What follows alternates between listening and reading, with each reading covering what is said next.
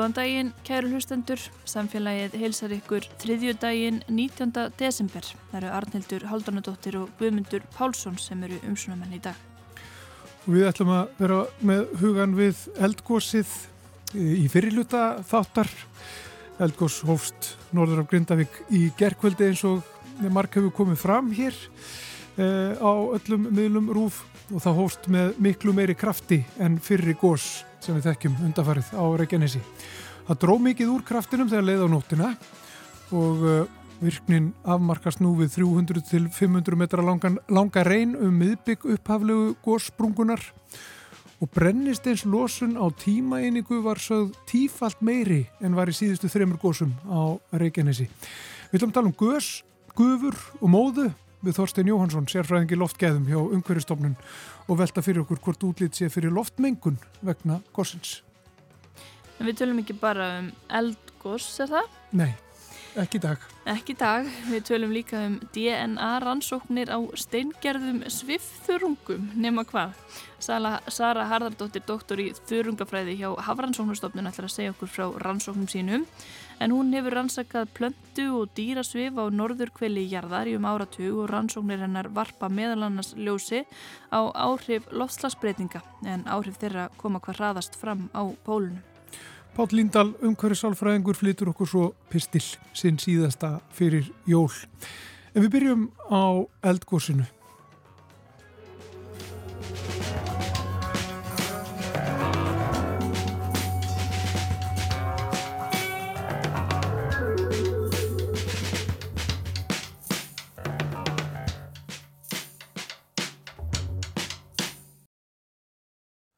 þá er sestur hjá okkur Þorstin Jóhansson, sérfræðingur í lofgæðum hjá Ungverðistofnum, vestu velkomin til okkar. Takk fyrir um, Við byrjum bara að velta fyrir okkur sko, þessari uh, því sem við sögðum á hann brennist eins losun á tímaeiningu var svo tífalt meiri. Hvað þýðir þetta? Já, þá kannski við eins og gossi var í gerðkvældi þegar að byrja, það var mjög öflut miklu starra goss, heldur við séu áður þarna.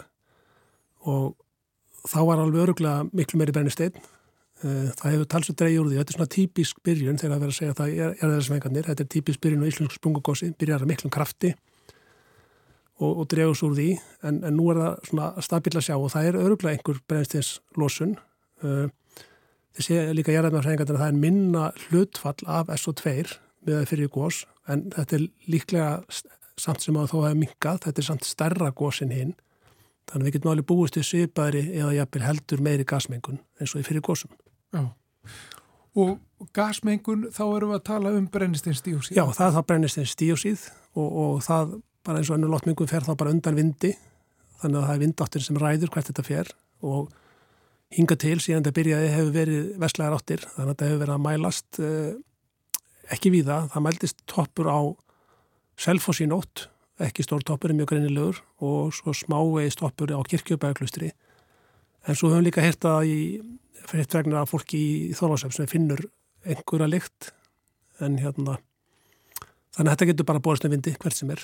Já, og er það fyrsta svona vísbending sem fólk finnur, er það lyktin, það fylgir þessu lykt? Já, það, hún er samt ekkert svona sterk eins og sko hveralyktin sem er miklu sterkari en það er margir sem finna einhverja svona brennstinslykt og hérna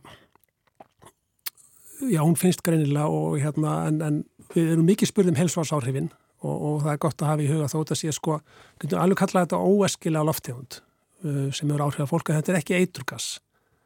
Það er enginn að fara að deyja á nokkur mendadróttum mm. uh, flest heilbriðt fólk finnur kannski lítil áhrif þó að finni einhver óþægindi tímabundin í augum eða eða koki eða finnur lendir í miklu styrk. En svona flestir jafna sig þá mjög fljótt en það er svona uh, lítil hópur samt sem er mjög viðkvæmur og það er það fólk með yfirlt einhverja undirlíkjandi lúnasjúdóma eh, eins og asma eða eitthvað svo leiðis og það fólk finnur svolítið á eigin skinni e, að það er svona einkenni sjúdóm sem geta vestnað mm -hmm. og, og þetta fólk þá yfirlt í samræðu sem lækni þar ég að bella auka asmalifin samt bara í samræðu sem lækni. Og það er kannski lengur að ná sér og finnum vera fyrir en svona flestir finna lítið fyrir þessu en svo hefur líka verið að segja sko til að geta allra varðar til og meins ef það er einhver mengun hugsanleilofti ekki láta börn svo út í vagnni til dæmis Já. Og þetta er þessi brennistins díóksísmengun en, en svo höfum við líka kynst móðunni Já, síðast bara í sumar þegar að síðast gaus á Reykjaneska já, laðist þessi bláleita móða yfir höfuborgarsvæðið. Er það áhyggjöfni núna? Getur það gerst núna líka? Já, já, það, það getur sjálfs í gæst núna. Það er, það er enda svolítið háðu líka lofthitta og sólgeslun þannig að þetta kvarf, þetta er ákveðið efnakvarf sko, það er sendt gósmáðan er ekki að koma beint upp úr gígnum, þetta er svona að kalla afleitt mengun eða svona sekundari mengun þannig að SO2 gasið það kvarfast fyrir kvarfið í stúrun andurslófsins og myndast hérna SO4 ragnir sem á endan geta í raun farið í svona brennist í síru drópa þannig að þetta er, þetta er miklu svona miklu meiri ertandi mengun þessi gósmáða heldur en gasið sjálft Já. og fólk finnur meira fyrir því og finnur jafnvel uh, ertingu í augum og svo getur líka fyllt þessu þá súrt regn ef það er mikil gósmáða Já. Uh, ef að sko það er spáð núna, er það ekki uh, þá að vera svolítið vindur og það Já. á að vera þá að rigna eitthvað Já, og snjóa eitthvað hefur þetta alltaf að náhrif? Já, já það, í svona aðstæðum eru sko roki og regningin bara góður vinnur okkar. Þeir eru að þinna þetta út þannig að mengunin næri ekki að sapnast upp og ná háum styrk. Þannig að það er betra að hafa vind. Það væri vestu aðstæður svona vetri til eru svona froststillur með logni eða, eða átleysu og hittakvarfi aðstæður eins og voru kannski hérna Suðvestalans í byrjun þess ás í januar þar sem var mikil mengun að mælast við það þá myndi gósmengunin sapnast meira upp þannig að veðrið er, er ráðandi þáttur hvað er mikil styrkur sem mælist Já. En önnur, önnur efni, uh, eru önnur gös sem að uh, losna og þarf eitthvað að horfa til? Eða önnur efni sem að losna út í andurslofti? Já, eitt af þeim gastegundi sem rosnarinn ennþá meira að er, er CO2 og í þeim styrk sko, það getur orðið það, CO2 sjálfins er ekki bent eitra fyrir okkur nema sé mjög miklu styrk en þetta getur verið það miklu styrkur að það er að fara að þinna út súröfni andurslofsins það er ekki hægt á því byggð en það er eitthvað sem við þurfum huga að í nágrunni við góðstöðar vísindamenn eða, eða ferðamenn sem eru við góðstöðar í hægviðri þá geta dældir reynlega verið bara hættulegar. Bara því að það er ekkert súröfni? Já, það verður bara súröfni skortur og, og, og, ef þú lendir í þannig þá er tíminn frá því þú finnur á eitthvað skrítin það til líður yfiri eru kannski nokkara sekundur þannig að þú átt í raun engar undakomu auðið ef þú lendir í svona gasbóli sko, það sem er með hátt sjóð tver og þá er að hafa mæli á þig til að sjá það. Já. Þekkjum þetta frá fyrri gósum Já. en þetta er um margt bara sambærilegt. Það er ekkert öðruvísi við þetta gós og þetta sé sprungu gós eða kemur að mengurinni uh, Svona gróflega sé er þetta, er þetta sömu efni, það er svona aðeins svona hlutvöld og jarðarnafræðingarnir þekkja það betur en, en gróft sé er þetta sömu efni þó hlutvöldin sé það smeri og þetta er stærra gós þannig að við getum búist við svipari eða, eða jafnvel meiri mengun Já. Það eru heflust einhverju farnir að sko hugsa um að fara að reyma á sig gönguskóna og, og, og hugsa sér gott í glóðarinnar ef maður getur sagt þess svo að, að fara að skoða skoða þetta gós. Það hefur reyndar ekkert verið gefið út um það hvernig það verður leift ef það verður leift eitthvað á næstunni en það er líklegt og á fólk þá já, hvað þarf fólk að hafa í huga ef það ætlar að fara að skoða þetta gós? Já, sko eins og staðin núna, þetta er, þetta er alls ekki Instagram turistagós og, og svæðið lokað og, það er sjálfsveit lauruglan og almannavarnir sem, sem koma til með að gefa, segja til um hvort það verður einhvern tíma left að skoða þetta gós og það, verður, það er náttúrulega hávetur núna en, en, en ef aðstæði breytast og þetta verður svona aðgengilegra þá er það sjálfsveit bara sama eins og gilt í, í síðustu gósum. Það er hérna horfa til vindáttar, vera með send vindin í bakið þeir áttu að horfa á gósið, ekki lappa á móti gósmekkinum klukkutími saman og, og reyna að forðast gósmekkin og, og hérna ekki lappa út á hrauninu og allt þetta venjulega en eins og staðin núna er þetta bara hættusvæði. Já. Eru ég skoða núna lofgæði.is, það var allt grænt það er hérna Já, já. Það er ekki, það er mælist engi, ekki mengun, verist vera í augnablikinu neist þar? Nei, það hefur, sem segið, það var óveruleg mæling á Selfossi í nótt, uh, velundur helsvöndamörkum og, og hérna og það verður það vonandi áfram meðan veðrið er svona. Uh, það verður vestlega ráttir, þetta likur líklega með frá söguströndinni um, geti verið á morgun að myndi liggja yfir hersti við Vestmannegar oh. Og, og hérna en, en það er það mikil fjalla að við búumst svo sem ekkert við sko neinum hættulegum styrkjum Nei. Uh, það er helst svona því nær því, því meiri mingun þannig að við, við erum svona mesta viðbúna en vanandi mæla á suðina svona sjálfum í, í bíðakjörnuna þar mm -hmm. erum með einhvers konar mæla í öllum bíðakjörnum Já, þetta er, þetta er nokkuð þétt þétt mælt eða hvað á, á þessu sveiði Já, á suðunum sem er mjög þétt mælt núna ég myndi segja að þetta er líklega bara þéttast þessu tveir mælinandi í heimi, getið ég trúa sko Var Já. ekki bara verið að bæta þessu mælum við nýlega? Sko við, við, við send, erum að fá fleiri mæla og, og hérna þeir eru ekki komnir en, en þeir koma líklega bara eða við getum líklega vonandi verið að setja upp bara fljóðleitur áramótin.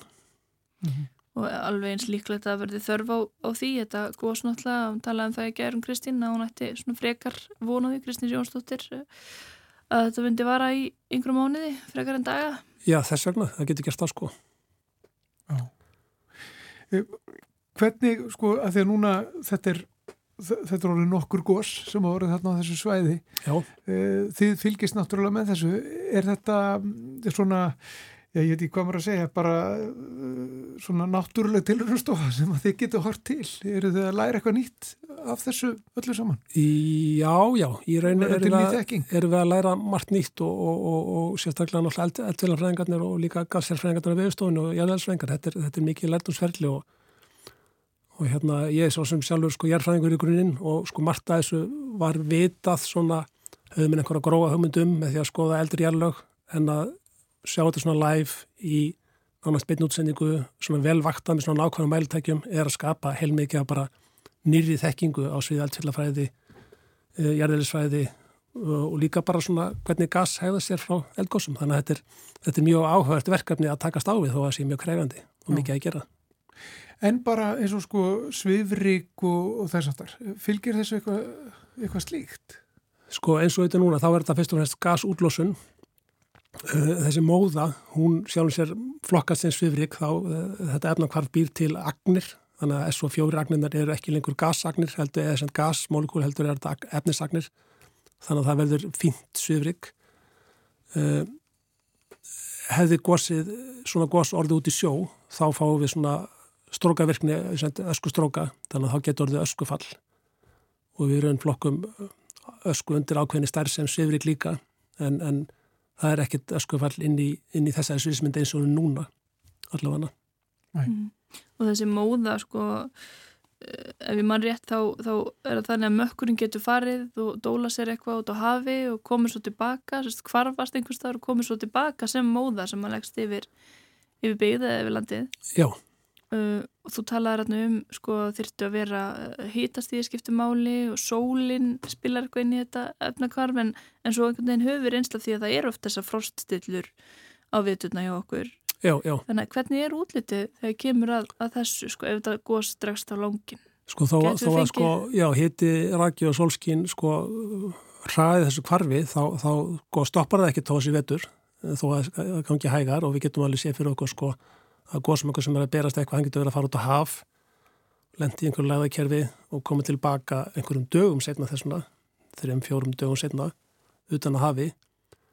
Uh, og þá voru að fá þess að góðsmóð inn og það má segja að hún sé það svolítið lúmskari að átta sig á sko ef þú ert nálat góðsinu, vindáttunum þessi þá veistu nákvæmlega veginn, ok góðsmökkurinn er að fara hérðan yfir Voga eða Keflavík eða Reykjavík, hvað sem það er og þá er eiginlega frekar mjór góðsmökkur því að stuttur upptökunum. Þeir eru búið að fara svona út á haf og koma tilbaka þá er þetta ekki svona mjór gasgeiri heldur er þetta bara við áttum ekki loftmassi sem getur bara náði yfir heil og halvu landslutana ef það er hann að bá gasmengun neði svona móðum, móða þá er hann kannski bara öllu vesturlandi eða þessuna öllu landinu. Munum aðeins eftir þessu frá júli en það er rauninni þá skárra að fá þetta vetri til þegar það er kallt heldur en að, að sumri þegar það er hlýra Í, já, svona það tóast á sko það hvarfið gengur hægar aftur á móti að vetri til getur við freka verið með frostillur og hitakvarf sem heldur þá mengunni freka niðurjörð þannig að við erum svona alveg viðbúin því að, að við getum verið að sjá svona góðsmóðu sko. Það er sko, þú nefndir á hann sko súrt regn. Já. Hvaða áhrif getur það haft? Sko, Ef þær aðstæður myndu Já, já, sko, sústregna þá fyrst, fyrst og fannst kannski óskilett fyrir hérna gróður, það er ákveðin gróður sem er viðkomin fyrir hérna súrregni og það er þá frekar sko að gróðulæti frekar undan við svona langtíma áhrif. En, en, en í svona, þú veist, þetta er sant getur við mikil styrkur í gósi og það voru alveg eins og í hólurinsgósinu voru að sjástu einhverja gróður skemdir uh, þar var bæði þetta súraregn og, og brennisins díusið og svo líka flúor, flúor er líka hérna getur haft áhrif á gróður. Uh, aftur á mótið svona vetri til er náttúrulega gróðurinn svolítið svist, snjórin heilur hann og þannig að við erum kannski ekki að sjá gróðurskemdur um, um hávetur. Uh, en, en þetta er, það, er fylgifiskur, já, hérna gróðurskemdir á súrregni og svo náttúrulega flúorinn er líka óaskiluð fyrir söðfjö eða bara alla, alla grassbýta. Þannig að menn þurfu huga því að vera ekki meðlumis ross úti, það sem er hérna grunnur um flúormengun og, og matalastofnun hefur svolítið fylst vel með þessu og hafa verið að upplýsa bændur og fólk með, með eins og hross og, og skefnur stundu þarf að taka fyrir inni eða gefa í þá hegi úti sem er sá ekki sem að gripinni sé ekki að beit heldur að fá hegi sem var sleiði kannski fyrir sumari sem er þá ómengað mm -hmm. Gæti slík mengun fyllt þessu kursi? Flúurmengun? Já, það er einhver flúurmengun í því, sannlega þetta er ekki samt svona flúoríkt gos, eh, sko, eldferðlur er svolítið mismöndi, hekla er, er oft mjög mikil flúor í heklugosum, miklu er að hluta allar flúor þar, en það er flúor sannlega til staðar í þessu gosi og hefur verið í öllum gosunum, þó að hafi verið í minna magni heldur öllum í stórum heklugosum. Einn spurning í lokin kannski heimskulega en sko þið talaði um súrt eh, regn, hvað með snjókomuna, getur við átt vona á súrum snjó? Uh, já, svona fræðilega síðan sko, getur það alveg verið. Það, það hefur samt ekkert sko, mikil áhrif. Snjórin er um, segja, mikilvirkar að reynsa mengunarefnur og andurslóftunum heldur rygningin og fellur til jarðar. Uh, við sáum til dæmis í Hólurhönni líka, ég vitna alltaf það, uh, það er meira tæringar álega á mannvirki og þög eða, eða málmluti sem standa undan dýra. Þannig að það getur fyllt úr regnin meira, meira tæringar álega. Það er sér ekki tættvöld fyrir okkur fólkið sko þannig séð. Mm -hmm. En uh, eins og veðurspáin er núna og eins og útlitið er og gangur er núna í eldgóðsunu, það er náttúrulega minka mikið síðan í, í gerkveldi uh, og í nótt, þá, þá er ekki ykkur bráðhætt að ferðum vegna mengunar. Ekki bráðhætt að ferðum í byðunei, en það getur verið mikil styrkur við gósið, Einmitt. næst góðstöðunum. Einmitt. En það eru lokaðar núna. Og þá gáði engin að fara? Nei, nákvæmlega ekki eins og er. Einmitt. Takk fyrir komin að Þorstein Jóhansson, sérfræðingur í lofgæðum hjá Ungveristofnum. Já, takk svo með þess.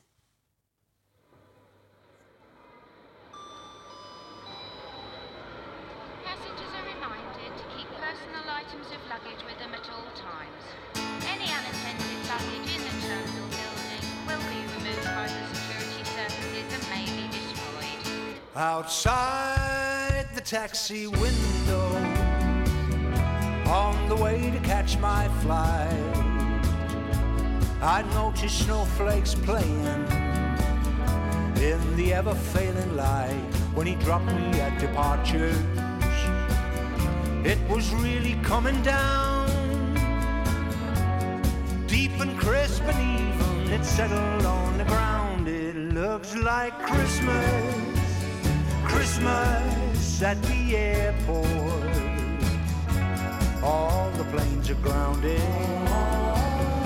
and the fog is rolling in. It looks like Christmas, Christmas at the airport this year. Doors are locked and bolted. Let the festivities begin.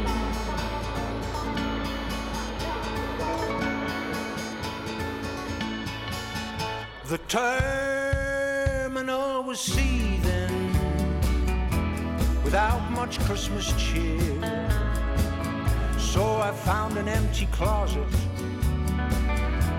and bedded down in there.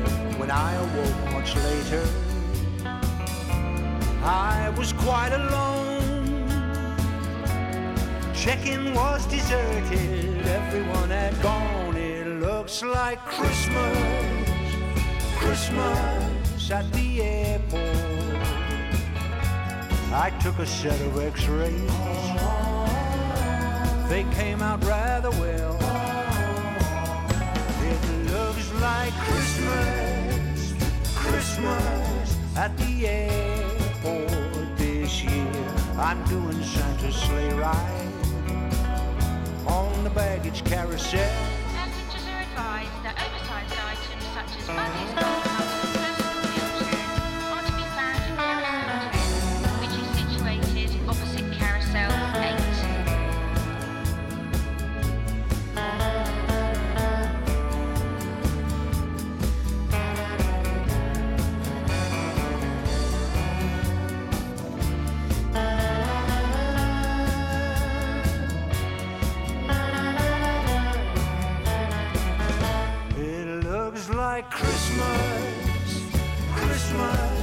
At the airport.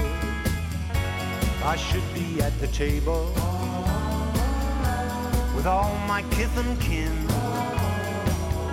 It looks like Christmas, Christmas at the airport this year. Don't save me any turkey. I found a burger in a bin.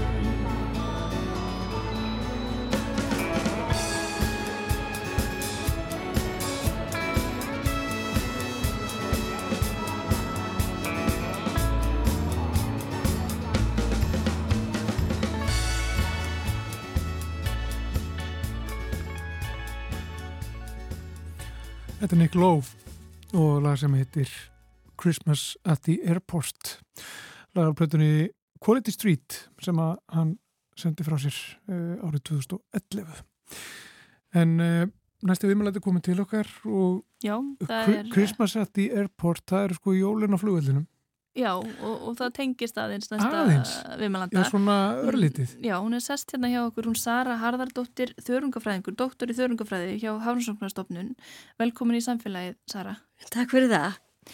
Uh, við vorum nú bara svona að spjalla og þú varst að segja okkur frá því að þú hefðir verið já, á leiðinni, flugleiðina til Íslands í gær og svona uh, eldgósið sett ákveðið streiki í reyngin. Já, við að við fórum á stað þá var, e, var ekki, ekki, ekkert byrjað. Við vorum að fljúa frá Kaupunahöfn og e, þegar við erum bara að koma að lendingu þá byrjum við að ringsóla svona aðeins yfir og, og e, e, flugstjórin e, segir frá að það hafi hafist eldgós fyrir 20 minnundum síðan og þess vegna værum við ekki, ekki lend og fengum þá náttúrulega bara e, sko, e, mjög fallit útsýni yfir, yfir eldstöðunar og, og það var, það var mjög magnað, það var allt eldrautt sko, hímuninn og, og, og svo var ekki reynginisbrautin lokuð og en, eh, en við veitum ekki býða lengi og svo kerðu við bara af stað á móti eldhafinu. Það hefur verið mögnuð, magnað að koma, koma til Íslands við, við þessar aðstæður. Já, þetta var alveg mögnuð sín. Já, en við ætlum svo sem ekki að tala mikið meira um eldgóðs, við ætlum að tala um merkilega rannsóknir sem að þú hefur verið að vinna að og fjast nýverið stóra styrki til þess að sinna. Þetta eru DNA rannsóknir á svifþörungum sem að sko, varpa og kunnu ljós er það ekki á hvernig hafísin hefur verið í, í einhverjum forsögulegum tíma. Getur aðeins bara útskýrt út á hvað það gengur? Já, þetta gengur út á það að það er, e, sko, fyrir það fyrsta þá er mjög mikilvægt að, að e, hafísin er mjög mikilvægur mörgum ferlum í hafinu og þess vegna er, er, er mikilvægt fyrir okkur að skoða hvernig útbreysla hafís hefur verið í fórtíðinni. Hafísin bæði stjórnar í hérna, miklu í, í, í, í hafströymum því þegar hann myndast þá, þá þrýstir hann út í hérna, söldu vatni sem, að, sem fellur svo niður og, og, og er partur af því að, að hafströymarnir okkar e, fara þann veg sem þeir gera og sömuleiðis sko er hafísin e, drivkraftur fyrir það sem kallast e, e, e, vorblómi þörunga sem er svo orka sem að fæðukeiðan reyði sig á hérna á norðurslöðum.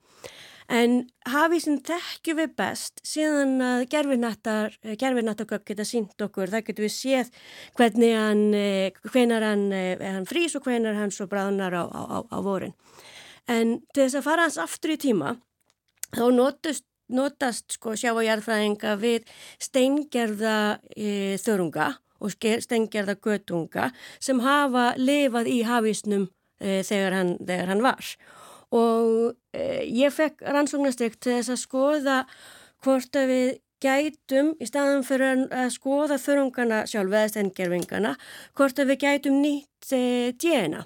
Uh, að því að alla lífurur skilja ju eftir sig uh, spór með DNA uh, hvort sem að lífurinn er svo, er svo farin og eða það sem hún er inn í oft búa þörungar í svona kísil eða glerhúsum eða, eða já, í, það sem kallar sist og þegar það hverfur þá sjáum við það ekki lengur í smásjá. En DNA skilur eftir sig spór og nýjustu rannsóknir sína að við getum farið næstu því miljón ára aftur í tíma og ennþá fundið sko DNA úr fortíðinni og hafísinn er, e, er mjög sérstakt hýbíli það er kallt, það er, það er mikil selta og það er eh, hérna, það er náttúrulega myrkur á pólunum yfir veiturinn. Þannig að fyrir, fyrir lífveru þá þarf hún mjög sérstaka aðlugunar hefni til þess að, lifa af svona. Og þessar lífverur finnast þá ekki á þeim svæðum þar sem ekki er hafís. Og e, ef við finnum þær e, í setinu með DNA þá er það vísir á það að, að það hafi verið e, hafís á þessum tíma að því að setlaugin svona eins og mann kannski þekki betur úr, úr jarðfræði hérna, að, að það eru teknikjarnar og svo eru þau aldursgreindir og e, DNA þá náttúrulega fylgja aldursgreiningunni. Og með hafístörungana er þetta e, svolítið sérstakt að því að þeir finnast hvergi annars staðar. Og þá getum við verið nokkuð vissum að við finnum djæðan úr hafistörungum hér fyrir 12.000 árum þá var hér hafis fyrir ofan fyrir 12.000 árum. Já. og við e, erum búin að vera að sapna gögnum í alveg svolítið langan tíma frá mismunandi stöðum þar sem að er hafís og hérna fundum að við höfum getað nýtt tvo mjög sérstæðar lífverur, tvo mjög sérstæða þörunga sem við erum eftir mikla rannsóknir alveg vissum að hérna, séu ekki það sem er ekki hafís. Og, já, og því ég er svona nýverið lokið e, þessu verkefni. Ég fekk styrk frá Európa-sambandinu og ég fekk styrk frá, hérna, frá kanadískum e, styrk til þess að gera það sama því að þetta er svona við, við deilum jú norðurheimskautum með, með fleiri en, en bara okkur hér sko. Mm. Og þetta, þessi vinniðinir, þetta er skoruþörungar og kísilþörungar sem að þið hafa verið að leita af erðaefni þeirra þá bara í setinu. Já, í setinu. Og hvernig fer þetta fram? Er, e, þú ert ekkert bara einhverju rannsóknastofu, þú, þú vendilega þarfst að fara á vettvang og, og reyna einhvern veginn að fá síni? Já, e, þetta, sko það Uh, ástæðan fyrir því hvað við vitum í raun lítið um hafís er vegna þess að það er mjög erfitt að komast þar sem það er hafís. Það eru mjög fáar uh, manneskur sem að lifa á þessum svæðum þar sem hafísin myndast. Þannig að uh, ég hef farið alveg nokkrar, nokkrar leiðangar, bæði leiðangra, leiðangra þangað þar sem ég get verið eins og á dönsku uh, uh, hérna, norðurheimskvöta rannsóknastofunni þá fór ég þánga og var í nokkra mánuði og gátum þá sko farið út á hafísin og, og, og hérna sapnað íspröfum og sapnað pröfum gegnum, gegnum ísin. En svo fyrir það rannsóknir sem kannski við hefum verið að gera með setið sjálft, þá þarf ísin ekki að vera til staðar. Við getum silt á þau svæði þar sem að ísin er yfir vetratíman og sett út uh, kjarnar og, og tekið síni frá stöðum þar sem að hafísin er yfir vetratíman til þess að sko skoða það útbreyslu hafís e, e, ástöðum þar sem að ísin e, er þetta sem kallast fyrsta ásfrís ís, ís sem, sem ekki er yfir mörg ár, nýjan ís Ekki svona uppsapnuð mörg lög. Nei, og hérna þetta bæði, ég fór sjálf mest á Vestugrænland og hérna, en e, í rannsóknum okkar þá eru við með síni líka e, e, frá sko nær norðurheimskautinu og e, e, síni á, já, á öðrum stöðum í, í, í, í hérna, kringum norðurheimskauti. En við vorum alveg, við hefum alveg verið upp undir sko átján manns á stundaransóknina sko saman. Þetta er, eins og þetta er ekki svona, maður getur lappa bara hérna út í, í, í, í hérna, í næsta vatt þess að sækja sínið sko. Það er áskorun. Og er það þá vísbending um útbreyslu hafís á ákveðnum tímabilum? Og, og hversu þröng eru þessi tímabil? Sko? Hversu nákvæmlega getið svona kortlagt þetta? Já, eh, okkar e, svona, þær aðstöðu sem okkur langaði að kanna voru helst að það sem kallast í jærfræðisögunni nútímin eða holosín og eru svona síðuslegin 12.000 ár. Og e, já, en það er kannski til, var svolítið til þess fallið er að við vitum svolítið um hafísinn á þessum, þessum tímambölu þegar maður er búa til ný verkfæri þá er mjög gott að skoða þau fyrst í því samengi sem við svona höfum skilning, skilning á en ja. við e, trú, trúum eða höldum það að með þennan sköruþórung sem við hefum e, verið að nýta við getum farið allavega svona 300.000 ár e, aftur í tíma. Það er rosalega langt aftur í fortinu. Það er það, en það er líka vegna þess að við finnum ennþá sko þöringin sjálfan líka Já. Þannig að það er ekki bara sko djenaði sem hefur leikið í sögsettlegin, heldur hann, vir, hann verðist varveita uh, djenað inn í, í, í, í sínum, sínum sem kallast svona sist, já. Að þeir að fara rosalega langt aftur í tíman, lengra aftur en, en nokkur gerfi nöttur getur hérna gefið okkur mynd af, af ísnum og, og þeir eru að nota þessi fortíð, þessar fortíðar upplýsingar sem að þörungarnir og, og djenaðið úr þeim færir ykkur til þess að svona skiknast eitthvað inn í framtíðin og, og forvittnast svona um eða fá betri mynd af, af áhrifum loslasbreytinga á vistkerfin og, og ísin eða hvað? Já, það er e, það er svo sem þannig að öll líkon þau byggja á gögnum e, sem sopnuð eru í, í, fortíðinni og, og svo núna og svo, svo hérna vonast mjög til að geta sagt fyrir um hvernig, e, hvernig til dæmis útbreyðsla hafís verður og er. Og það e, næstu, eða flest öll okkar sko líkum byggja náttúrulega á þessari, þessari sko nákvæmnu máling, mælingu hérna frá gerfinuttum en svo e, bætu við við gögnum lengra úr fórtíðinni en sem þá er það ekki sömu upplust þá, hérna, en þau segja okkur líka fyrir til dæmis um að e, í fórtíðinni höfum við ekki séð svona hraðar breytingar á stuttum tíma í hérna útbreyslu hafís. Uh, og, set, við svona, með þessum rannsóknum þá gefum við, uh, gefum við líkonum, líkonum okkar meira vægi og þau geta þá byggt á, á, á gögnum lengra aftur í fortíðina. Mm. Ja. Og hvernig heldur þeim reyði af, sérst, af því nú eru þessar breytingar ansið hraðar og hraðastar á pólunum uh, kísilþörungunum og skoruþörungunum eiga þeir sér einhverja framtíð? Þeir eru ennþá til, eða ekki? Jú, það er náttúrulega ennþá þannig að e, það, e, það, e, það frýs.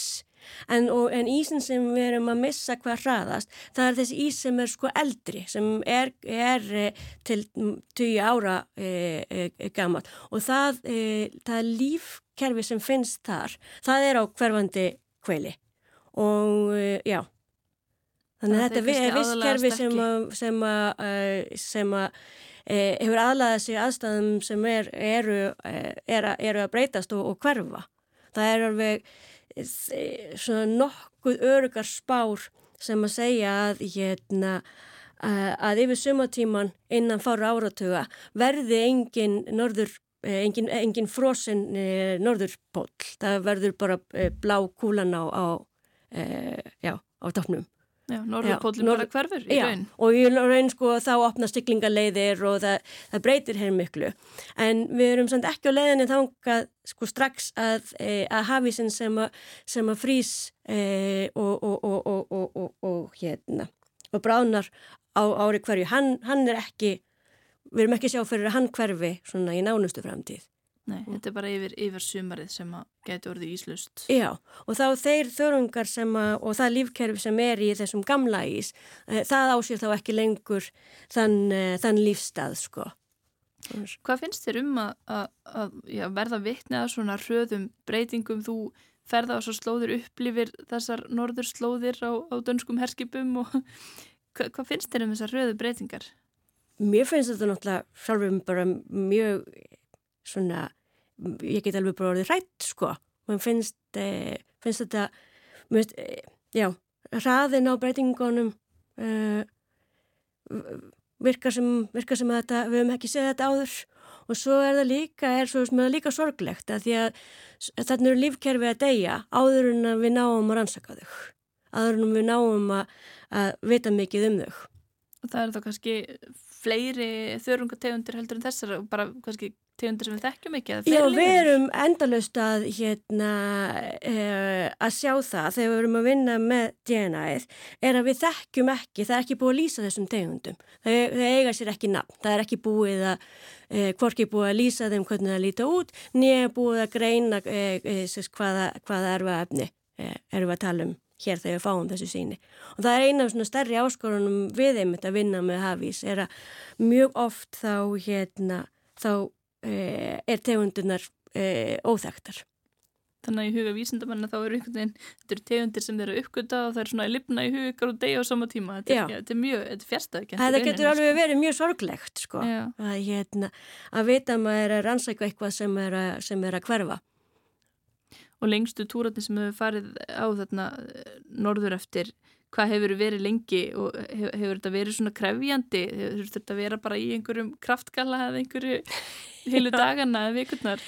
Já, það e, sko lengsta, lengsta ferðin eða dvölin sem ég hef verið, ég held að hún hef verið svona þrýr og halvu mánuður og hún var svolítið sérstöka því að e, e, þá e, var ég, var dóttur mín ekki um að réttum, rétti við tveggja ára gömul Þannig hún kom með mér og við byggum þá sem sko í, í bæ þar sem var samfélag og það var hérna leiskóli og, og hérna sýsti mín kom með að þess að passa hana og, og, og hjálpa mig með, með, með alls konar, það voru norður heimskota stöðinu sko.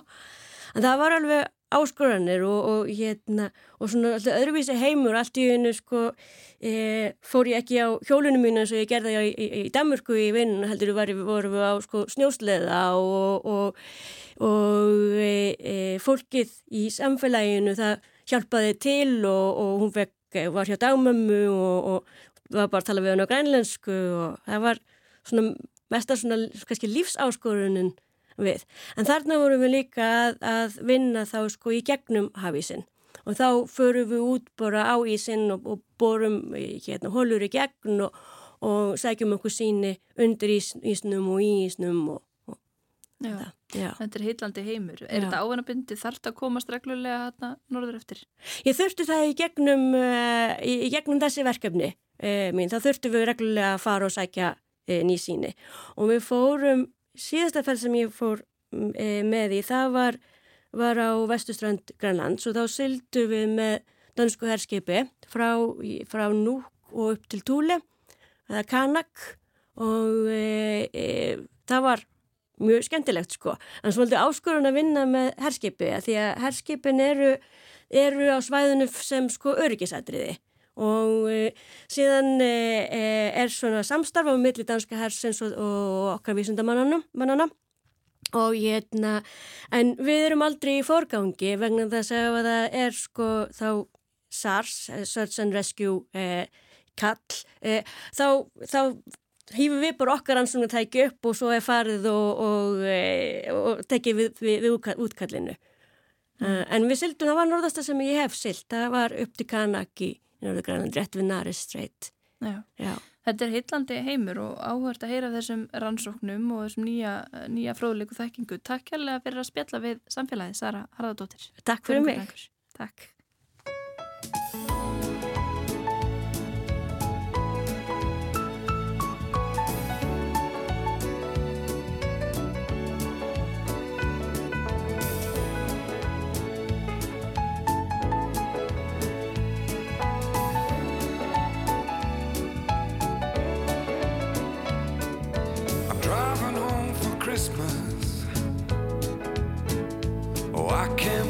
To see those faces. I'm driving home for Christmas,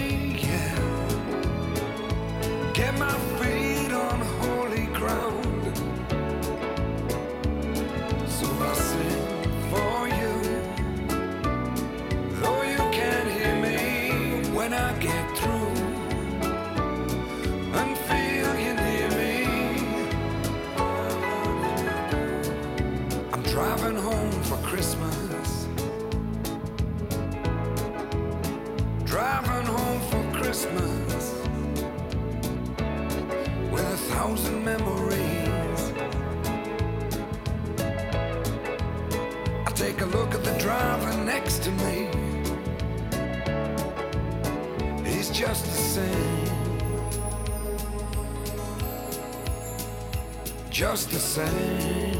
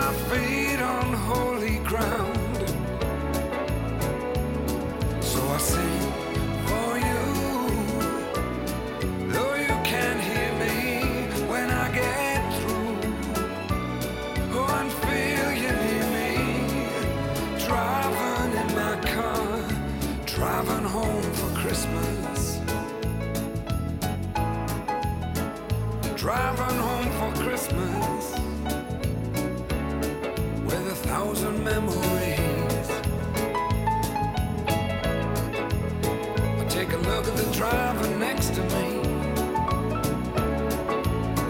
He's just the same.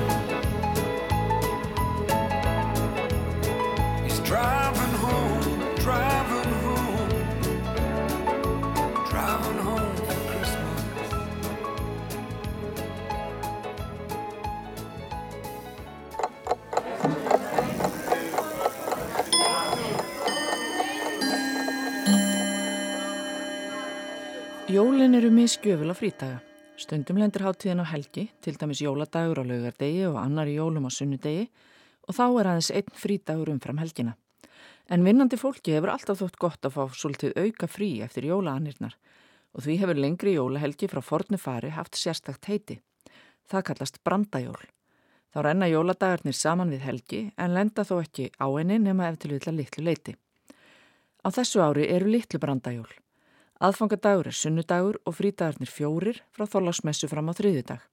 Sé aðfangadagur fymtudagur eru líka litlu brandajól. Á stóru brandajólum er aðfangadagur annarkvort mánudagur eða miðvíkudagur, svo frídagarnir verða fimm í röð.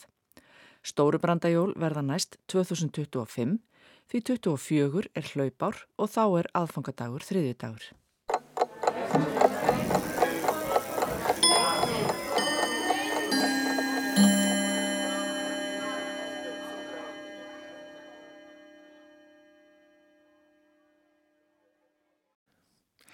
Í minni barnæsku voru jólatreskaup fastur passi í aðdraðanda jólana.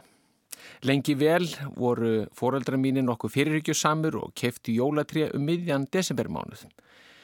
Pappi bar tréð sem íklætt var kvítu neti úr bílnum og inn í hús þar sem hann dröstlaði því upp á loft og út á svalir þar sem það stóð og hallaði sér að svalahandriðinu fram á þorlásmessu. Á Þorlák óskaði Pápi svo eftir að annað heimilisfólk tæki að sér að sækja tríið og bera það niður í borstofuna, þar sem næsti fasi verkefnisins fór fram. Jafnframt óskaðan eftir því að einhver fær upp á háaloft og fyndi til jólatrísfótin. Jólatrisfóturinn var alveg sérstakur kapituli því óhandhægari jólatrisfót hef ég vart kynstum dagana. Fyrir það fyrsta var hólkurinn sem ætlaður var fyrir stopn jólatrésins fremur lítill með við stærð jólatrésins sem keft var. Jafnvel þó jólatréði væri nú ekki tverrlíki.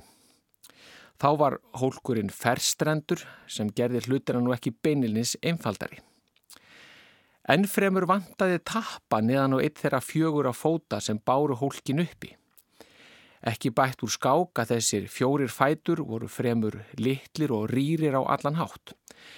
Fyrir vikið var þessi jólatrísfótur einstaklega óstöður. En fyrstu 15 ár æfiminnar máttu foreldra mínir og þá sérstaklega pappi ekki heyra á það minnst að keiftur væri nýr jólatrísfótur. Til hvers, spurði hann í forundran. Þetta er nú ekki nótkunn nema örf á að daga á ári hverju og þar við satt. Þegar jólatriði var svo komið af sölunum niður í borstofuna og búið að draga fram umrætan jólatriðsfót, fór Pápi fram í kústaskáp að ná í sög. Það rótaði hann af miklum ákafa en fann aldrei neina sög því sögin var ekki geimt í kústaskapnum. En í stað þess að rifja það upp, fjark viðræðist hann yfir því að fólk setti hlutina aldrei á sinn stað eftir nótkunn og því var ég aldrei hægt að finna neitt þegar það þyrst að nota það. Þetta regs hætti þó þegar einhver heimilismanna skrapp á sama tíma upp á háaloftið og náði í sögina. Einhverja lúnustu og bitlösustu sög landsins.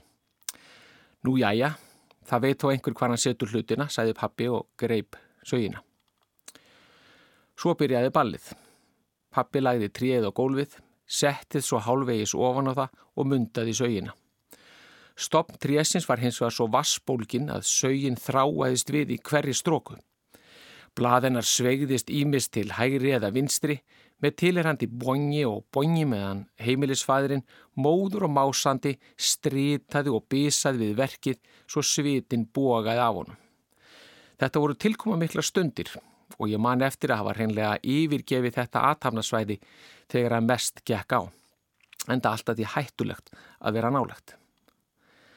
Það var svo rétt fyrir 1990 að einn heimilismadur sá að þetta ástand gæti ekki gengi lengur, keifti einfallega nýjan jólatrísfót. Fót sem var þeirra náttúru gætur að vera svo stór að ekkert þurfti að saga stopn jólatrísins og þar með leistist málið færsalega og líklega hefur pappi verið manna fegnastur. Í þann tæpa aldarfjörðung sem mamma livði eftir lát föður míns baðst hún eiglilega undan því að rifja upp þessar aðtapnir í aðdraðanda jólana en let þó hafa eftir sér að verst veri til þess að hugsa þegar að stólfætur dönsku stólana sem hún keifti á námsárum sínum lendu inn á vinslusvæðinu og tennur sagarinnar náðu að narta hressilega í þá. Að öðru leiti svara hún því til að fólk byggi yfir ólíkum hæfileikum. En af hverju eru við að þessu stússi með þessi jólatri? Jú, Það er vegna þess að jólatrið sem og aðra jólaskreitingar heima fyrir bæta okkur að kæta andlega og líkamlega. Jafnvel svo að þeir sem skreita fyrr en síðar eru sagðir vera hamingjusamari og upplifa meiri hátíðastemningu en þeir sem eru setni til. Samkvæmt bandariska sálfræðingrum Deborah Serrani leiða þær breytingar sem við gerum á umhverfi okkar í aðdraðanda jólana til aukinar framlegslu og dópamíni hormóni sem undirstúka heilans seitir og veitur okkur ánægu og sælutilfinningu. Jólatrí og skreitingar brjóta upp vanan og vennjurnar, þessar aðstæður sem hverstagurinn felur í sér og við erum svo oft samdöðuna. Þetta frávik sem jólinn skapa örvar skinnfæri okkar þar sem tindrandi ljós og skæri litir byrtast okkur, við heyrum hátíðartónlist og finnum annars konar líkt og bragð. Allt þetta skapar stemningu sem fær okkur til að líða vel. Ennfremur vekja jólun upp minningar og fortíðaþrá og áhugaverð rannsók sem gerð var í háskólunum í Southampton á Englandi og byrt var árið 2013 síndi að það að hlakka til einhvers, svo sem að hlakka til jólana, getur fengið fólk til að horfa bjart sínni augum til framtíðar. Að hafa stefnu til framtíðar er mjög mikilvægt fyrir andlega hilsokkar velíðan úr siðferði, segir Whale Wright, sálfræðingur sem starfar við nýsköpun á heilbriðisviði hjá bandarísku sálfræðisamtökunum APA. Hún bætir í við að þannig getum við notað hátíðir á borði jólinn sem fasta punkta í tilverunni sem við getum hlakka til og skipulagt fram í tíman. Þannig geta jólinn gengt fjölþættara og mikilvægara hlutverki í lífi fólks en það að vera einungis fáeinir hátíðistagar á ári hverju. En svo má heldur ekki gleyma því að jólinn hvetja til félagsleira samskipta og félagsleira virkni sem rannsóknir hafa sínt að skipta okkur máli bæði andlega og tilfinningarlega. Um það leiti sem pappi hætti að saga jólatrisfótinn, nánar tiltekið árið 1989, byrtið skemmtileg rannsókn í tímanitinu Journal of Environmental Psychology sem skoðaði félagsleg áhrif jólaskreitinga á heimilum. Niðurstöðuna síndu að ókunnugir notuðu skreitingar á húsum og í görðum sem vísbendingu um að íbúar þar væru vinalegri, samheldnari og félagslindari en þeir sem ekki skreittu. Greinarhöfundar sögðu svo þessa niðurstöðu styðja þá hugmynd að íbúar geti notað ytri hlið heimila sinna til að tjá tengsl sín við nærumhverfi sitt og mögulega íta undir að þeir séu hluti af félagsleiri heild hverfisins og það er ekkert lítið. Því þörf okkar fyrir að tilhera og vera með er okkur í blóð borin. Við viljum vera samþygt og viðukend, vera hluti af heldinni. Ég trú ekki á jólasveinin lengur, sagði sonur minn 12 ára, þegar ég bent honum á það fyrir fáinum dögum að hann væri ekki enn búin að setja skóin út í glugga. Af hverju, spurði ég. Þú veist að þeir sem trúa fái skóin, hinn er ekki. Já, já, en því miður. Krakkarnir í bekknum segja að jólasveinandi sé ekki til og þess vegna trú ég ekki lengur og ætla ekki að setja skóin út í glugga. Sónur minn skinnjar sig sem hlut af hild sem honum er mikilvæg og ætlar ekki að rugga þeim bát. Ekki það að hann hefur sankanta ramsóknum ruggað bátnum dálitið því niðurstöðu sína að börn hætta að meðantali að trú á jólasveina í kringum 8 ára aldur. Mér þótti þessi niðurstöða sonarins pínu súr því að með henni hverfur að mínum mati einhver ljómi barnæskunar og þetta er fullkomlega sjálfhverf afstæða. En fullkomlega er takt við niðurstöður rannsókna sem segja foreldra verða dabra þegar börn þeirra hætta trú á jólasveina. Frá sjónarhortni sannleiksleikandi barna blasir hins vegar við allt annar veruleiki. Þau segjast finna fyrir velíðan þegar sannleikurinn um jólasveina kemur í ljós. En það taka að vakna með auknum aldri upp margar praktíska spurningar um hvernig þessir boðberar jólana reynlega framkama þann gjörning að gefa svo mörgum börnum gjafir á þeim stutta tíma sem fæst útullað á hverri nóttu. Fyrir utan þá ráðgáttu hvernig megi smegja sér inn í hýpili fólks þegar alla dýr og allir glukkar eru harðlæstir og engin strómpur er til staðar. Sjálfur man ég vel eftir þessum vangaveltum á sínum tíma. Í þessum pistli hafa verið sagðar sögur af þremur pálum líndölum, þeim elsta sem að dvelu nú í sumalandinu, þeim sem hér talar og þeim yngsta sem nýlega hefur gert merkilegu uppgötun. Fyrir hönd okkar þryggja óska ég hlustandum gleðilega jóla og farsaldar á nýju ári. Sæði Pál Líndal. Samfélagið Óskar honum líka og öllum þessum pálum líndölum. Gleðilega jóla. einmitt. Er nákvæmlega þannig. En við komumst ekki lengra með samfélagið þennan daginn. Við höfum fjallað um uh, loftmengun vegna eldgors. Og svo þessa svifþörunga og DNA rannsóknir á þeim sem að geta varpa ljósi og útbreyslu hafís einhvern tjóman í, í fornöldinni. Já, 300.000 ára aftur í tíman. sagði hann. Alltaf miljónu eða ekki? Jú, Já. 300.000. Já. Já, einmitt. En eins og við segjum, komumst ekki lengra í dag. Við verðum hér á morgunni sjálfsögðu á sama tíma, Guðmundur og Arnildur. Verið sæl. Takk í dag.